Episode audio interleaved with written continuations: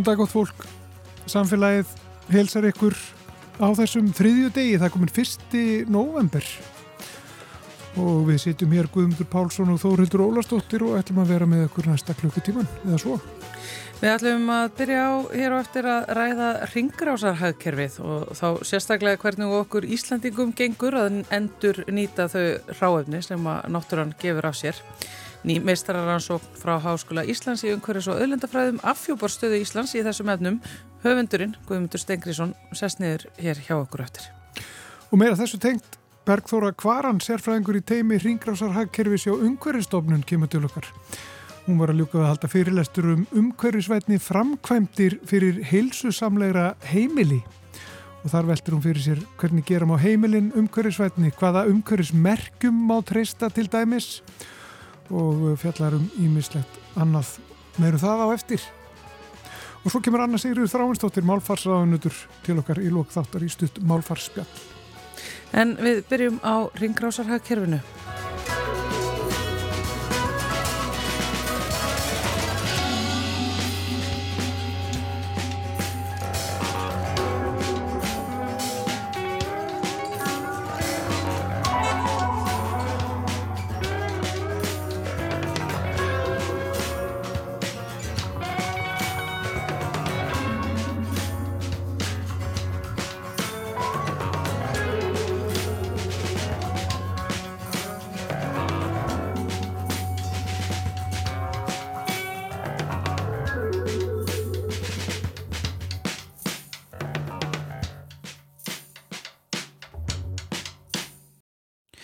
Við höfum gerðnan hér í samfélaginu fengið til okkar fólk sem er að skila inn forvitnilegu mistara eða doktorsverkurnum og rannsóknum inn og í dag ætlum við að rýna í mistararitgerði umhverjus og öðlindafræðin við Háskóli Íslands um ringrásarhagkerfið á Íslandi. Höfundurinn Guðmundur Stengrisson er sestur hérna hjá okkur. Sælurstu Stengrisson? Uh, Guðmundur Stengrisson? Guðmundur, já, já. Ég, ég kalla mig Stengrim líka. Já, já, hefur það ekki verið gert líka? Ákveðin ringrás í því. Já. Það er ágætt. Endur nýta gammalt nafn, endur nýta nafn föðu mín. Það er bara fínt. En svo við ræðum kannski svona áðurum fyrir og rínum í reitgerðina, þá segjur í svona ingangsorðum að reitgerðinni frá því hvernig það er einmitt heitipotturinn í sumarhúsi ykkar fjölskyldunar sem verður þér þessi kvartning til þess að skoða ringrósahækkerfið. Já, meðal annars. Umrættur Stengrimur, fæðið minn, hann, hann laði mikið upp úr því og og af og amma sem byggðu bústæðinu lögðu mikið upp úr því að endur nýta efni og, og það er auðvitað hugsun sem er, sem margir þekkja að, og sérstaklega af svona gömlum heimilum og svona sko mm -hmm. og, og, og sögursöndum frá því ganla daga að allt var endur nýtt mjölkur fernur urðu blómapottar og svona leis og upp á, upp á kletti í sumarhúsinu þar var er gammalt segðaeldisker búið að þjóna tilgangi sínum sem og ekki búið og þjónar enn tilgangi sínum eftir, eftir, eftir 30 ár sem heiti Potter eitthvað svo besti í borgarfriðunum sko. og þótt við að væri letað rúmar alltaf átjá manns tökur, tökur tvo lítra af heitu vatni beint upp úr jörðinni og hann, það er svona dæmi um eitthvað sem er endur nýtt sem er eitthvað annað og, og, og svo er bústæðurinn sjálfur byggður að miklu leiti úr timbri úr gömlum hernámsbrökkum og um, svo er hérna skúr sem að það sem dælan er fyrir, heit, fyrir heitavatni og hvernum, hann er byggður úr gömlu símastörum. Þannig að um, efni getur alltaf hengið framhalslíf Já. kannski misflókið en, en uh, það er gaman að reyna það og oft teksta bara svona glimrandi vel. Já, eins og heitir bötturinn eitthvað er svo gott dæmi um Já, margir hafa leitað að svona heitum potti Já, segðaeldis og, og, og það er ekki, greinlega ekki hægt að fá svona segðaeldisker Já Það er náttúrulega skandalli sjálfur sér Já. sem er náttúrulega kannski leiður okkur þá að viðfóksefni rittgerðarinnar og, og það sem að þú ert að rannsæka í, í henni, þetta ringrásarhagkerfi. Mm -hmm. Ringrásarhagkerfi er náttúrulega byrtist í þessum heitapottið þínum en ef þú svona almenn útskering á ringrásarhagkerfi fyrir þau sem að koma alveg kvöld að máli hér? Já, ringrásarhagkerfið er raunni viðbræðið því að við erum sem mannkinn mm -hmm. og, og Íslandinga þar á meðal að að, nema allt og mikið af hráu efni úr jörðu, sem sagt bara úr náttúrunni og hérna það er allt og mikið svona auðlindarnótkun og á, ágangur og auðlindir. Við erum komin upp í ykkur 100 miljardar tonna mannkinnið á ári og þetta vex miklu meira heldur en fólksfjöldi.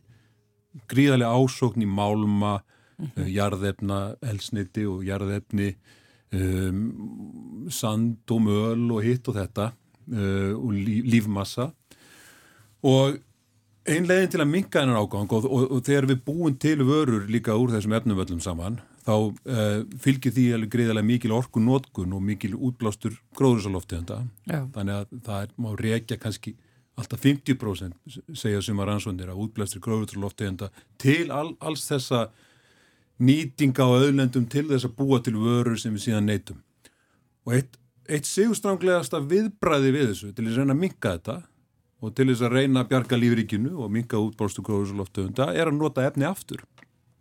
Bara einfallega nýta föttin sem það eru í aftur uh, og það eru það verið skilgreindar ímsa leiði til þess það er þetta endur nýta bara beintan eða einhver annar notar og breytt bara það sem að maður uh, er með eins og heitir bóturinu dæmi um. Já Uh, það er þetta að endur hanna vöruna úr efnunum sem eru í henni og það er þetta að gera við það er þetta að nýta sumt til þess að bara einfallega framlega orku sem að nýtist þá. Öllu falli, bara það er einhverja svona, það er margar skilgreinda leiði til þess að reyna að nota efni aftur. Og það sem ég ger í, í, rannsóndinni, það er mikið talaður yngur á sækjörfi og það eru ný lög að, að taka gildi núna um áramótinum innleðingur hingrásarhækjaris á Íslandi. Mm -hmm. ég notaði bara aðferði sem er svona byrjað að nota út í heimi til þess að aðtöfa hvað mikið af öllu þessu efni sem við neytum á Íslandi það er ykkur uh, 12 miljón tonn af efni sem við, efnum sem við neytum. Hvað mikið af því er endur nýtt og hvað mikið af því ferirunni hefur farið í ring Já. og það er 8,5% af öllu þessu efni er endur nýtt efni. Af þessum 12 af þessum 12 miljón tónnum sem við neytum og, og, og almennt er efnum skipt í lífmassa uh, steinefni málma og jarðirnaðarsniti og þessi ströymur hann er, hann er, þetta er ekki bara eitthvað sem við neytum hér, þetta er líka allt efni sem fer í það að búa til vörunar Þannig að bíl er ekki bara mældur sem bíl, hann er líka mældur sem allt, allt, öll svo orka og allt saman sem fer í að búa til bílinn. Þannig að þannig að, veist, þannig að þeir öll, allt er sama tekið og þetta efnis fótspor er mælt sem er nú eiginlega svona, var nú eiginlega kannski erfiðasti og mest í höfverkurinn í ryggerinni að Já. áætla þetta efnis fótspor. Að þá eru við að neyta kannski einhver svona 13, tæp 13 miljón tonn af efnum sem koma inn og ríflega miljón tonn bara aftur inn í hæggerfið. Sko þetta eru 8% sem eru þá raunverulega 8,5% sem er leggst þá raunverulega inn í ringar og hæggerfið. Hérna það er langt undan langt undir öllum áallunum sem Íslands stjórnvöld hafa sett sér, ekki satt. Þetta er hræðileg tala að heyra.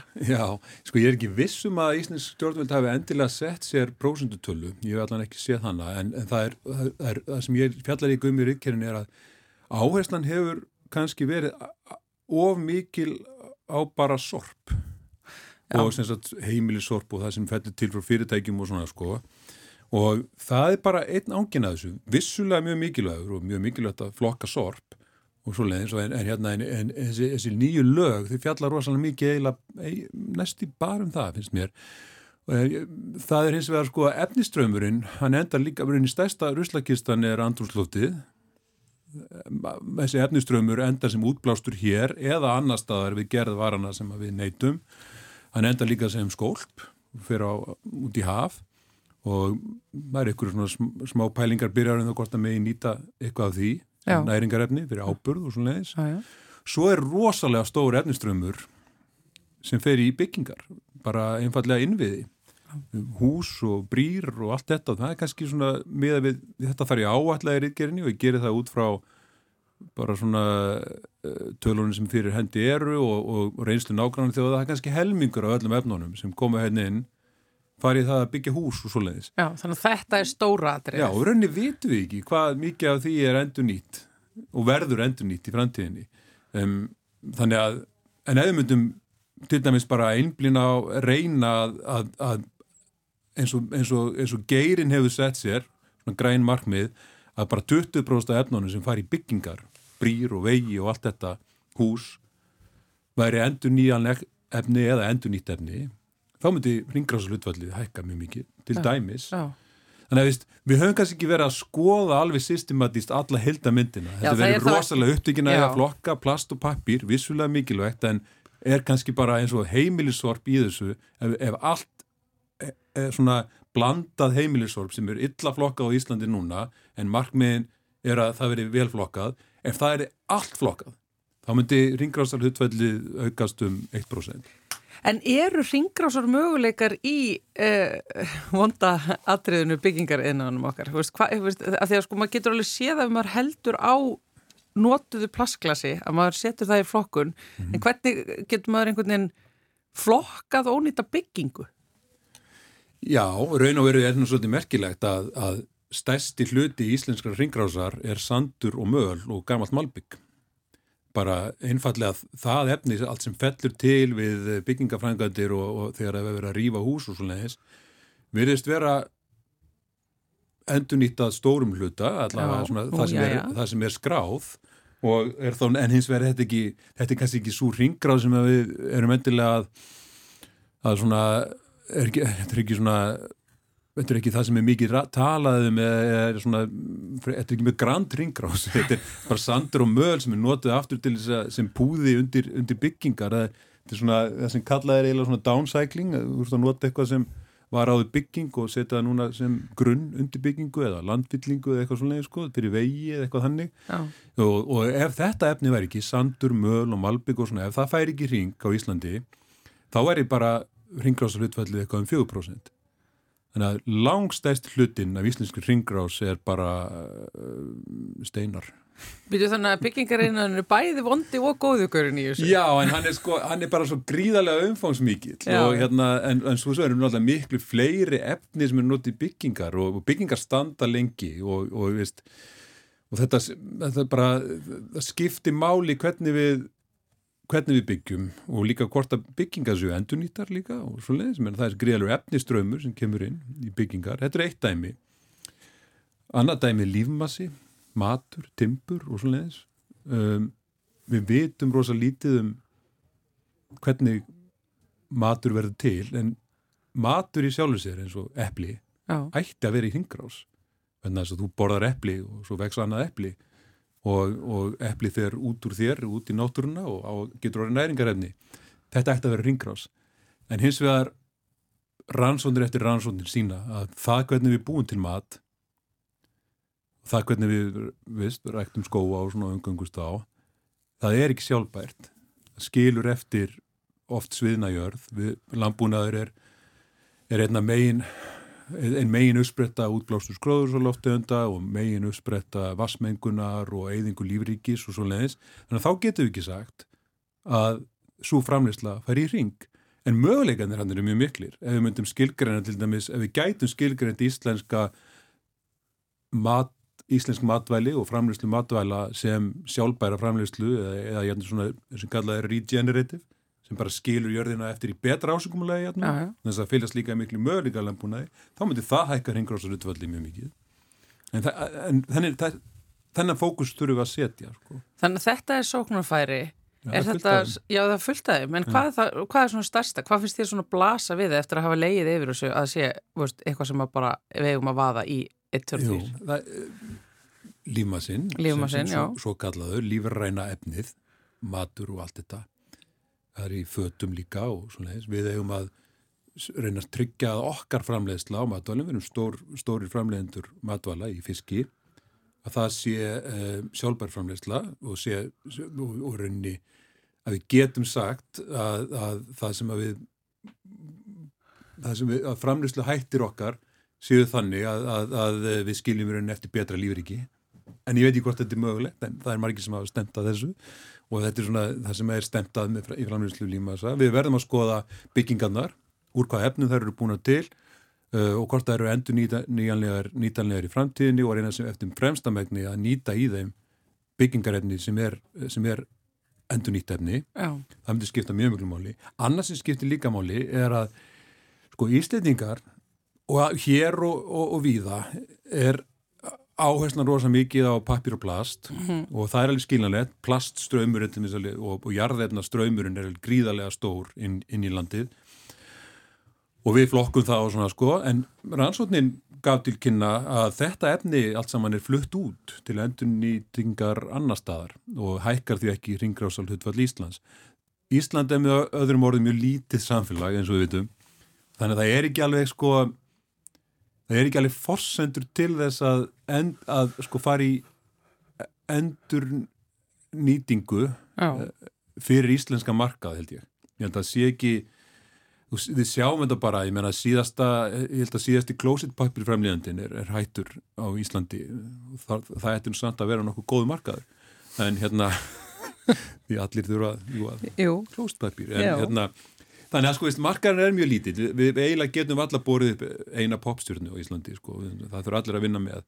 Þannig að sko, ég held að endurnýtingar eðinaðurinn verði alltaf fluttur út á stólun hluta til í svona stærri hákamir einingar, þannig að plastir og pappir við hanga, en þá ættu íslendingar, krókor á móti bræði þegar við flytjum svo mikið inn af örum við erum mikil neyslu þjóð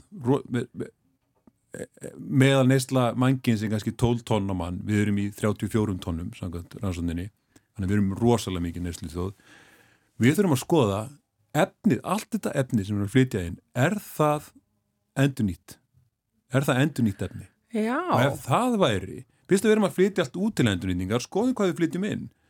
Þannig að við getum búið til eitthvað svona kvata og, og, er, og þeir eru vantilega að fara að ræða það líka á eftir. Það er alls konar merkingar til mm -hmm. svona, sem viðkenningar á því að, að hlutir séu úr endurnýtum efnum umbúðir og hitt og þetta. Ég minna þetta er bara sjálfbær og, og svona endurvinnaleg innkaupastefna bara já, Íslendinga. Já, Akkurat, já, já, bara hérna búa, veist, það, er, það vísir að innkaupastefnum er alltaf rosalega mikill eh, fókus og kólendisfótspor en það er þetta líka að skoða ringrási í þessu. Já. Og svo náttúrulega reglugerðir, innlendar, ég menna, veist eins og, og það er mikil umræða um, ég menna, nýja Apple-símin er þannig að það er auðvitað að gera við hann og, og er margir fannir að sjá þetta að þegar ískápunum bilar þá sárna mörgum að þurfa hendunum veist, og þá verður hægt að gera við hann. Og hérna nýja appulsímin út að reglugerum meðal annars í Europasambandinu og nýjum lögjöfum um það að hlutir eiga að vera þannig úr gardi gerðir og þannig hannaðir að, að ringrás þeirra sem möguleg og það sem mögulegt að, að viðhalda þeim og gera við þá. Þetta er mjög mikilvægt, deilihagkerfið er mjög mikilvægt í þessu líka, við reynum að nýta hluti sem best. Þannig að það er svona fjölmarkir ángar sem að við gætum fókusirða á. Og það er með það sem að reyrgerðin er náttúrulega veist, innlegg í, það er hvernig við ætlum að móta uh, þessa hugmyndafræði og þessa stefnu. Þannig að við séum ekki með þessi vandræðilegu 8% af ringrás hérna, alls þess sem við notum hérna, þessi mikla neslupúka þjóð. Jújú, jú, við erum miklu neslupjæsar og það er, það er auðvitað líka að það hvernig mingum við nýstlu og það er alltaf eitthvað sem að sko það er orðræða sem að er komin rosalega stutt í hvert einasta skipti sem við förum í kostningar á Íslandi eða, veist, þegar stjórnmóla litur mætast í sjóarsal þá er talað um að auka kaupa Já, þetta er, er, talað, er kostningalofur þetta er kostningalofur það er raun og verið auka nýstlu og ég menna Liz Truss fyrirverandi fórsitsáðar að breyta þegar hún segir sko að hennar stefnum að þessi stefnum alls vöxtur, vöxtur og aftur vöxtur og hljómar það náttúrulega bara eins og hótun gangvart öllu markmiðum um ringrás og, og umhverfisvend og svoleiðis. Þannig að við fyrir auðvitað að reyna að skilgrina hvað er umhverfisvend vöxtur, hvað er æskileg kaupgeta og, og bara við erum rík þjóð og ábyrðin kvílir á okkur og öðrum sér í ríkum þjóðum að reyna að finna leiðir til þess að gera neyslokkar umhverjusveitni mm. þar með minni. En þannig erum við þá að tala um bara ákveðin grundvallar atriði, sko, bara ákveðina grundvallar hugsun einhvern veginn í Já. samfélaginu mm -hmm. efnagsmálinn og hagkerfið eins og það leggur sig. Allt þetta hangir á spýtunni og það er það sem hangir á spýtunni þegar, þegar, þegar, sko, þegar eitthvað er ósjálfbært og þýðir að bara það að neysla okkar, hún getur ekki haldið áfram, hún hættir okkar að munu bytna á börnunum okkar og það er ekki til allt þetta efni, til nógu marga jarðir fyrir svona neyslu eins og við erum. Við getum kannski mögulega að halda áfram að skáka í skjóli þess að við erum svo lítil og kannski skiptir þá ekki máli en meðst það ekki mjög svona imponerandi viðhorf. En eins og gerst þetta ekki einu vettvangi maður, maður getur alveg með þessi bjassinni þegar maður sér svona kannski litlu vísbendingarnar. Fólk gera hugsa um þessi mál. Æ. og svona þú veist, þó að sé rosalega mikið sem fellur til og, og hérna úr Neysland sem mikil þá er Ísland til dæmis við, við keirum okkar rafmagn og kynntum okkar hús með endur nýjanleir orku. Það var mikið átak og nú erum við að reyna að umbreyta samgöngunum og erum komið bara býja svona langt í því. Þú að, veist, ef við miða við aðra þjóðir ég, ég hérna, nota endur nýjanlega orkgjafa í, í þarna eh, samgöngum. Þannig að veist, ég held að vitundi séu öll að aukast sko.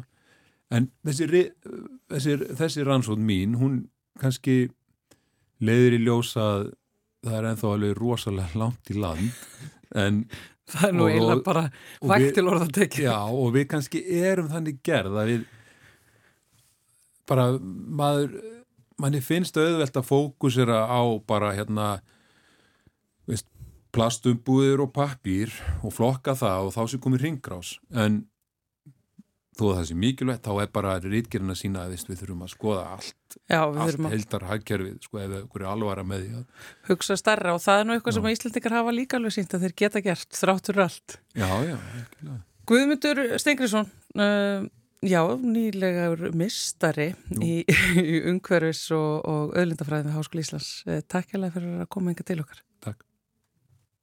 Round like a circle in a spiral like a wheel within a wheel, never ending or beginning on an ever spinning reel, like a snowball down a mountain or a carnival balloon, like a carousel that's turning, running rings around the moon, like a clock whose hands are sweeping past the minutes of its face, and the world is like an apple whirling silently in space, like the circles that you find in the windmills of your mind.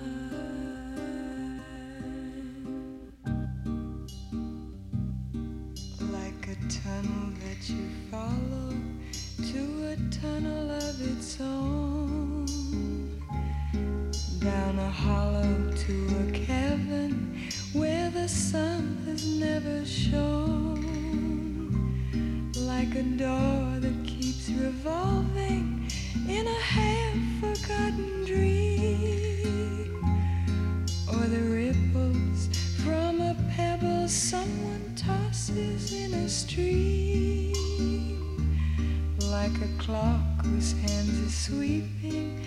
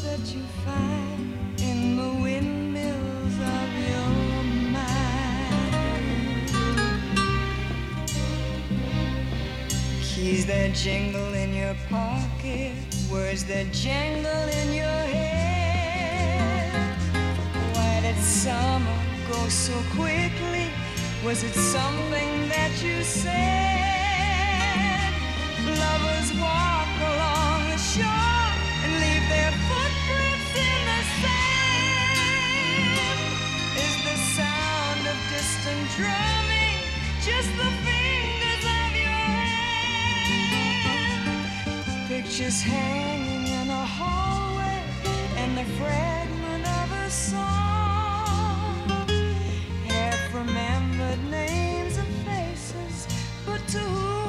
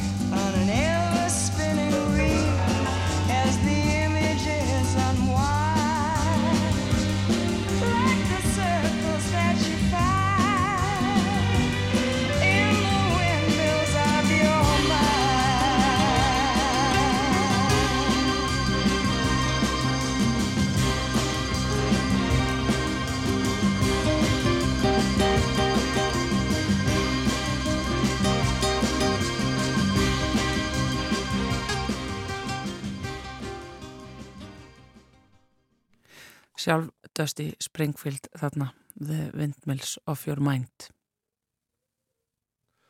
Núna áðan var haldinn opin fyrirlestur á vegum umhverfistofnunar um umhverfisvætni framkvæmdir fyrir hilsusamlegra heimili og það var Bergþóra Kvaran sérfræðingur í teimi Ringrásarhagkerfis hjá umhverfistofnun sem uh, eh, held hana fyrirlestur. Verður velkomin til okkar. Takk fyrir. Um, þú ert að tala þarna um sko, hvernig þetta gera heimilið umhverfisvætna Mm. Hvernig er þetta svona hafa í huga umhverfisvætni lausnir við framkvæmdir og slíkt ekki satt? Einmitt. Er þetta mjög flókið mál? Já, þetta er alveg, það er allavega mikið sem hægt er að gera uh, og fólk kannski veit ekki stundum alveg hvar það á að byrja. Uh, og með þessum fyrirræstur þá vildum við ná í rauninni kannski til almennings og svona þeirra aðila sem eru kannski ekki að fara í umhverjusvottanir umhverjusvottanir eru að verða uh, alltaf svona vinsætli og vinsætli og, og þar er maður kannski svolítið leittur í gegnum ferlið en auðvitað flóki ferli. Uh, en þarna viljum við svona kannski draga út í rauninni það sem er hægt að gera bara heima hjá sér eða í minni framkvæmdum og og já, sína fram á þetta er kannski ekkit alveg það flókið uh, og það er hægt að velja úr eins og ég segi, bara svona helstu atrið. Já, og hvað er það aðalega sem að fólk getur gert ef það vil svona vanda sig þegar það kemur að þessum málum? Um, það eru nokkur þettir, við förum uh, inn á svona nokkur svið, það eru byggingarefnin, uh, það er orkunótkunnin og það er kannski svona það stæsta og, og svo líka flokkunin byggingarefnin eru kannski svona þau sem eru uh, einföldust í rauninni að því að þá skiptir bara mestu máli að velja rétt uh, og velja til dæmis umhverjusvottað. Það eru ímis skadalega efni í mörgum af þessum byggingarefnum sem við viljum helst ekki hafa inni hjá okkur og til dæmis bara við tökum dæmi málingu og þá eru alls konar efni í þeim sem geta verið hormonaraskandi og valdið alls konar sjúkdómum. Uh, og, og máling eru þetta á, á yfirborðsflötum heima hjá okkur þannig að það skiptir mjög miklu máli að, að velja hana rétt. En svo eru við líka aðeins að fjallum hverju svona aðeins við svona stærri atriði eins og loftræsingu sem getur sparað okkur orku en líka skapa mjög góða innivist. Uh, við erum líka að tala um bara að velja rétt, enna, svona, rétt efni í burðin uh, þá erum við að tala um kannski vistvætni kosti þegar það kemur að steipunni uh, tala um timbrið, við fyrum aðeins yfir inn á Íslands byggingarefni og fleira. Og svo erum við alveg líka að tala um bara þú veist, hluti eins og að kaupa frekar lattperur uh, kaupa heimilistæki í betri orkuflokki og svona minni atriði sem að eru í rauninni bara snúast í rauninni bara um val þegar þú ert stendur frammi fyrir innköpum Já, en við höfum síðan sko frektir að því núna bara nýlega fatnaður hefur innihaldið sko hættulegu efni eða efni mhm. sem eru mjög óæskilegt fyrir, fyrir fólk að mm -hmm. hafa nálegt sér er þetta tilfellið til dæmis, þú nefnir nú bara málingu svo mm -hmm. segjum bara eitthvað sko er það tilfellið að það er ennþá þannig að, að þú getur fara út í búð og keifta eitthvað sem er bara já, já ég segi kannski alveg kannski baneitrað en, en mm -hmm. óæskilegt og, og, og hættulegt upp að eitthvað marki Já, nefnilega, því miður. Og við förum aðeins inn á, fórum á endurbætinar uh, og, og svona þau byggingarefnir sem finnast í endurbótum í gömlum húsum. Og þá þetta, þetta, þetta varu þetta miklu verra. Uh, það er búið að banna þarna ákveðin efni eins og asbest sem að margir þekkja uh, uh og, og, og önnur efni uh, sem eru bara virkilega skadalega en það, já, það þekkist alveg ennþá í dag að í byggingarefnum eru ímisefni eins og þalöt uh, og fleira og, og þau geta verið skadaleg fyrir heilsufólk. Þetta er kannski ekki einskadalegt en í miklu magni uh, þá, er þetta, þá er þetta alls ekki gott. Og það er ansóknir hafa sínt líka bara fyrsta árið sem að byggingar eru byggð, eða sérst, eftir að bygging er byggð að þá eru sérst, byggingarafni að seita frá sér. Að, uh, og, og, þá, já, og þá er svona kannski íbúin hvað mest útsettur fyrir þessum efnum. En svo er það líka að horfa á bara yðnaðmennina sem vinna með þessi efni alla daga og það eru þetta alls ekki gott fyrir þá að vera stanslöst að anda þessu að sér í rauninni.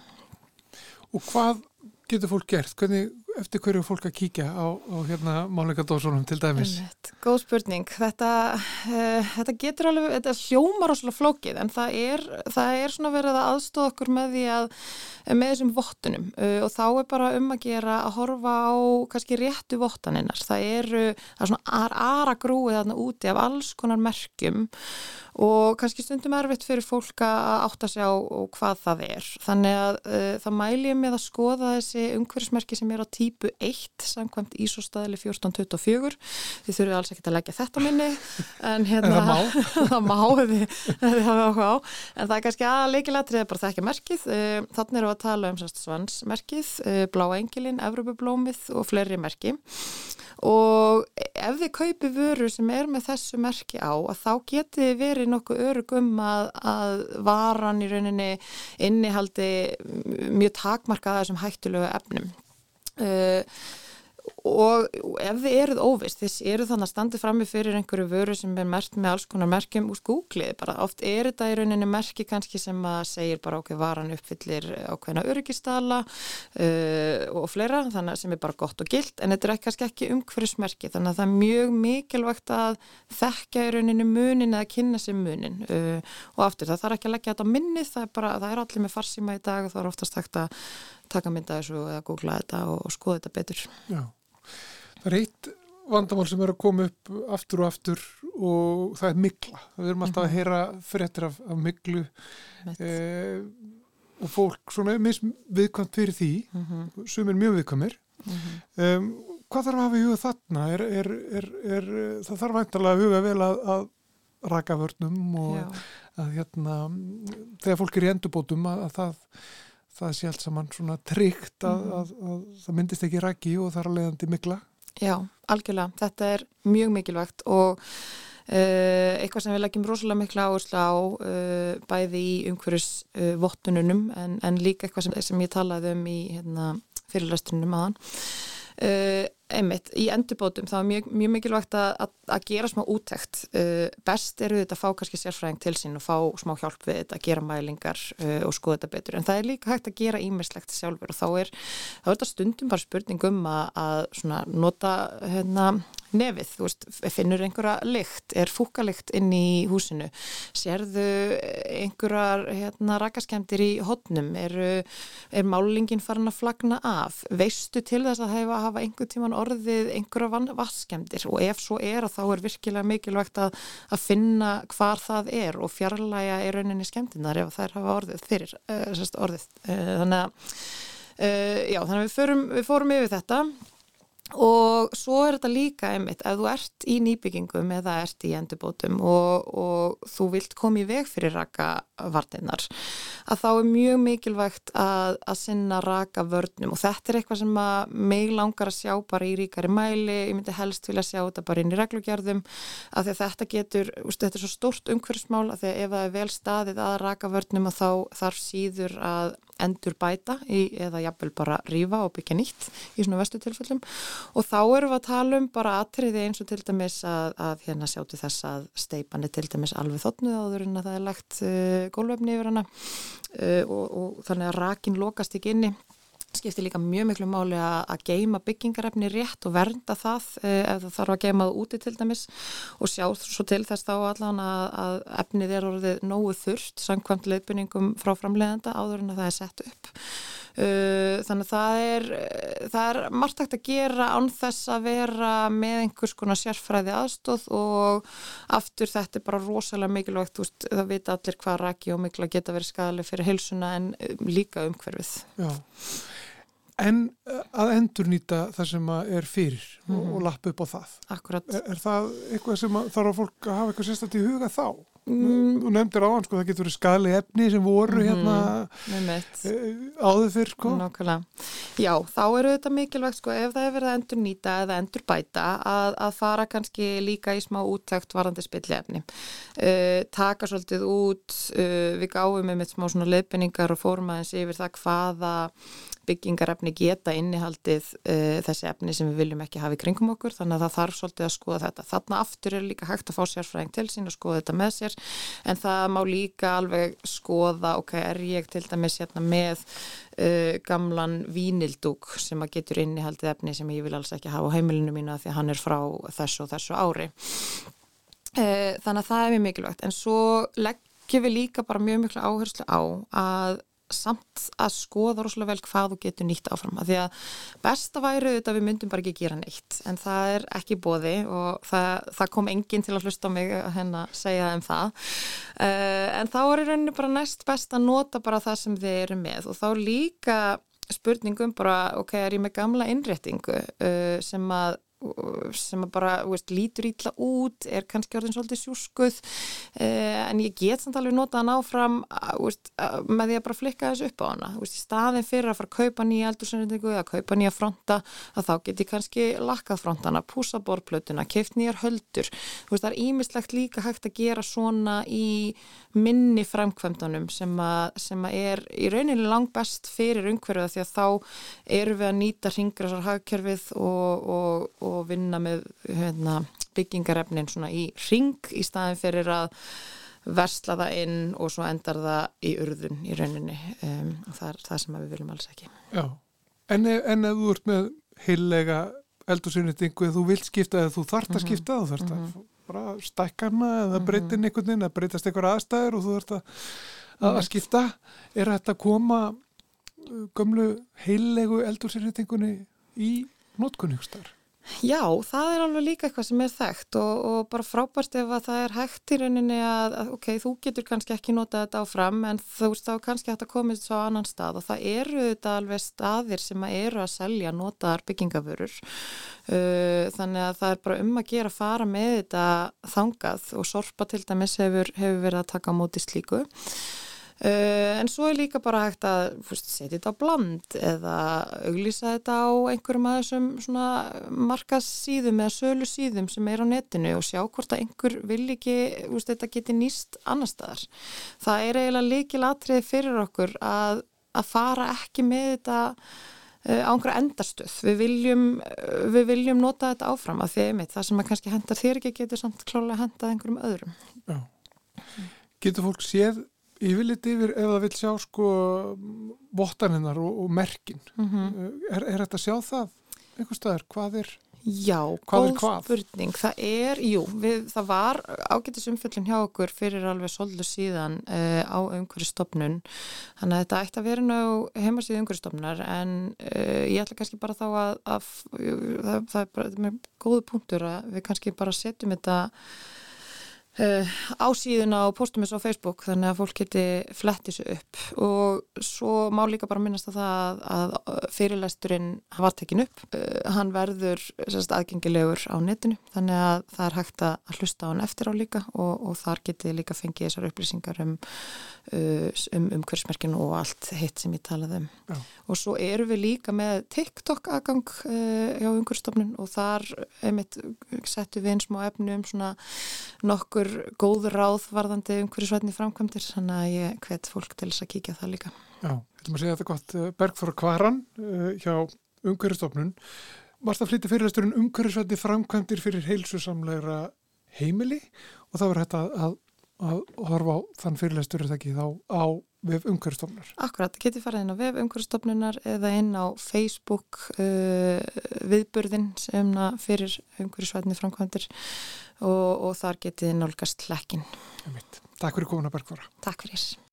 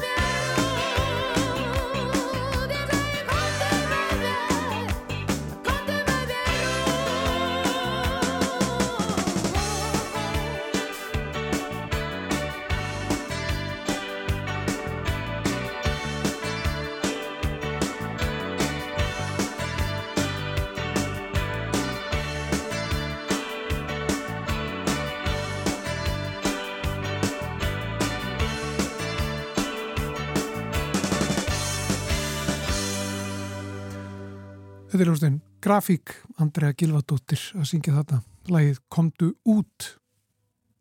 Og þá er komið að málfarsspjallinu hérna hjá okkur í samfélaginu. Við erum náttúrulega alltaf með málfarsmínúturnar en stundum koma upp mál sem að, já, eru bara þess aðlis að það þarf að setja meira í þau heldur en bara mínútu.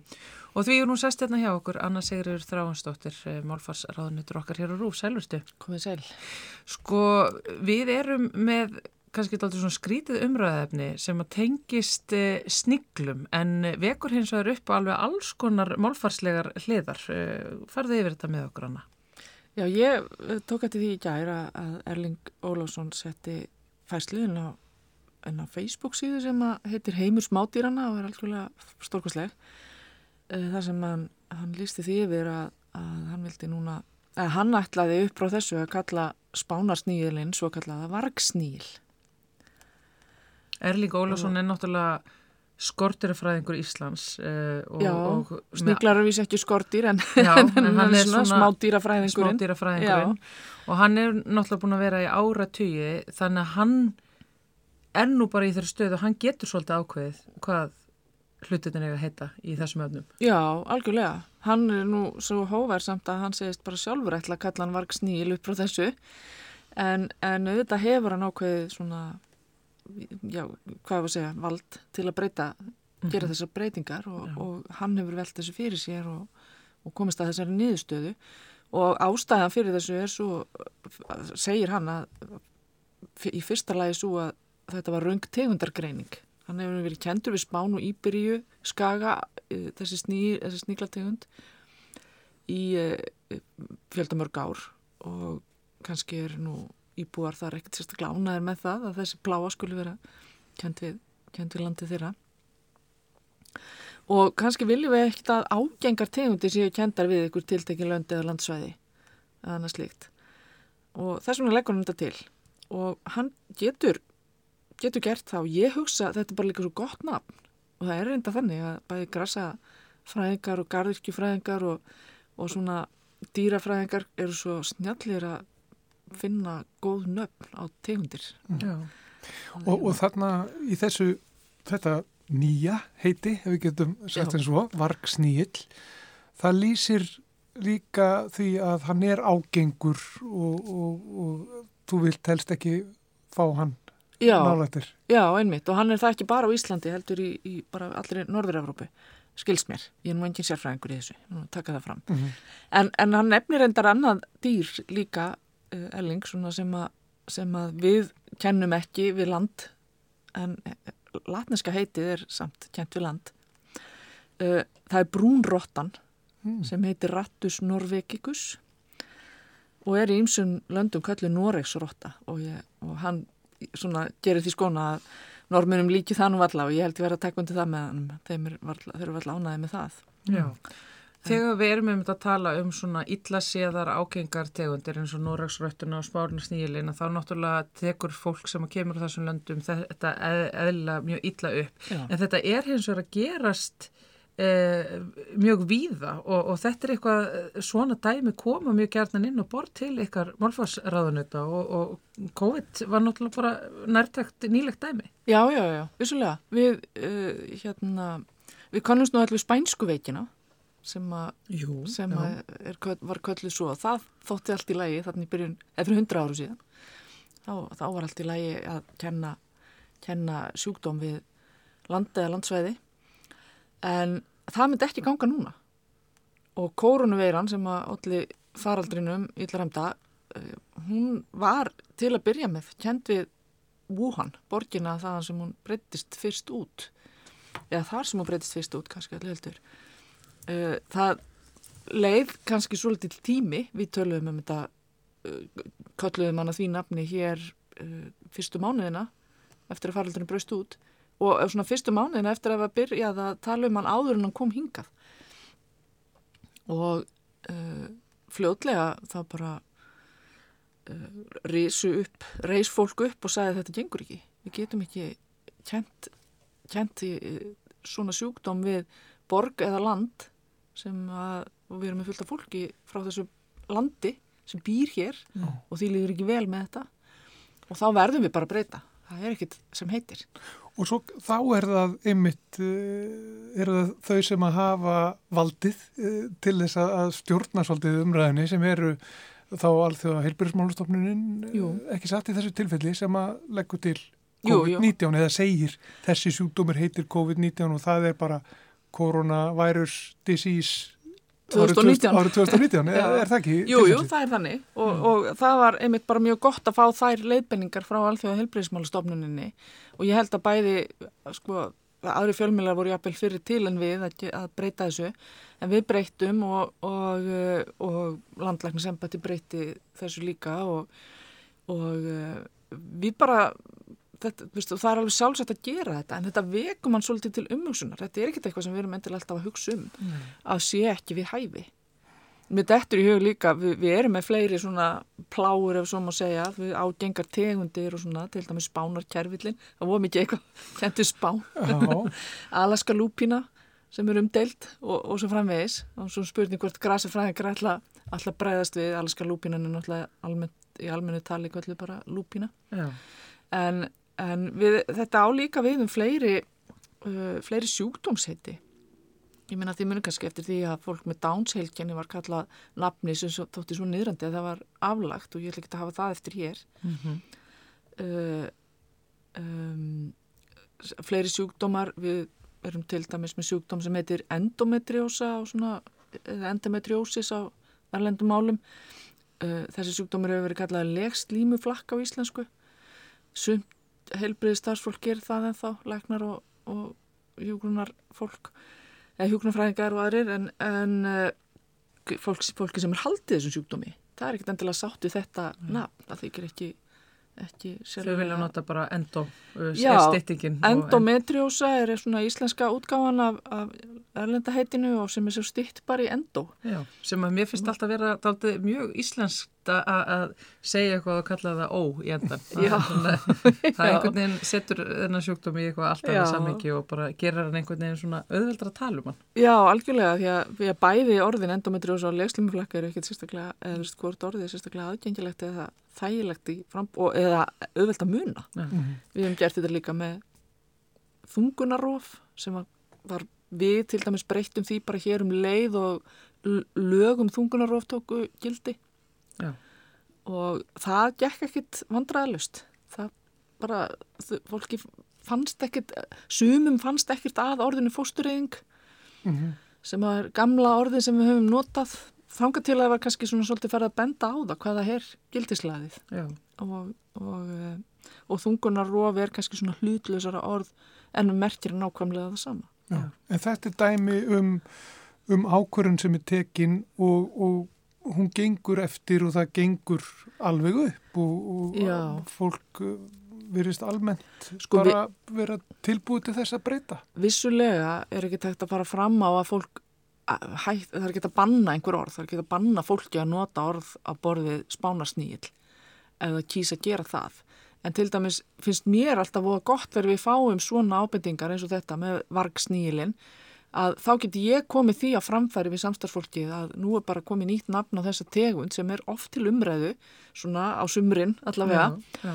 Og, og þá getum við þá getum við líka bara fyllt í eftir. Byttu, við nú erum við farin að kalla þessa tegund vargsnýl, tölum ekki lengur um spánarsnýl ef við ekki bara breyta þessu mm -hmm. þú veist, það getur sagt, lagt það til við, við Já, og, þú, ekki, og þetta er heldur ekki úr lausuloftu greipi, það er sjálfur Erling Ólásson sem er að leggja þetta Já. til, sem er bara ákveðið vald í þessum efnum. Alveg sem heilbreyðis, alþjóða heilbreyðismálastofnunum getur breytt nöfnunum á, á, á COVID. Já, og laugjafinn getur breytt nöfnunu á þungunarofi þannig að sko það eru valdhafar í tungumálunu þarna úti sem að gefa leiðbyrningar sem að þið hér á Málfarsdelt Rúf bara leggja ykkur eftir og hlustuð á. Já, við reynum að fylgast með þessu og, og koma staði hérna, og, svona, og fylgja því eftir að, að, að síðan þá notu þau orð sem er, eru komin inn í bækur, lög, uh, alls konar leiðbyrningar og svo framvegist. Já. Líka bara til þess að koma í veg fyrir miskilning Já. oft. Þannig að þetta kvíkindi verður kallað varg sníl hér eða hvað? Já, ég, ég sendi bara út daglegt mál til samstagsfólksins um það. Nú heiti spánar snílinn varg sníl. Já.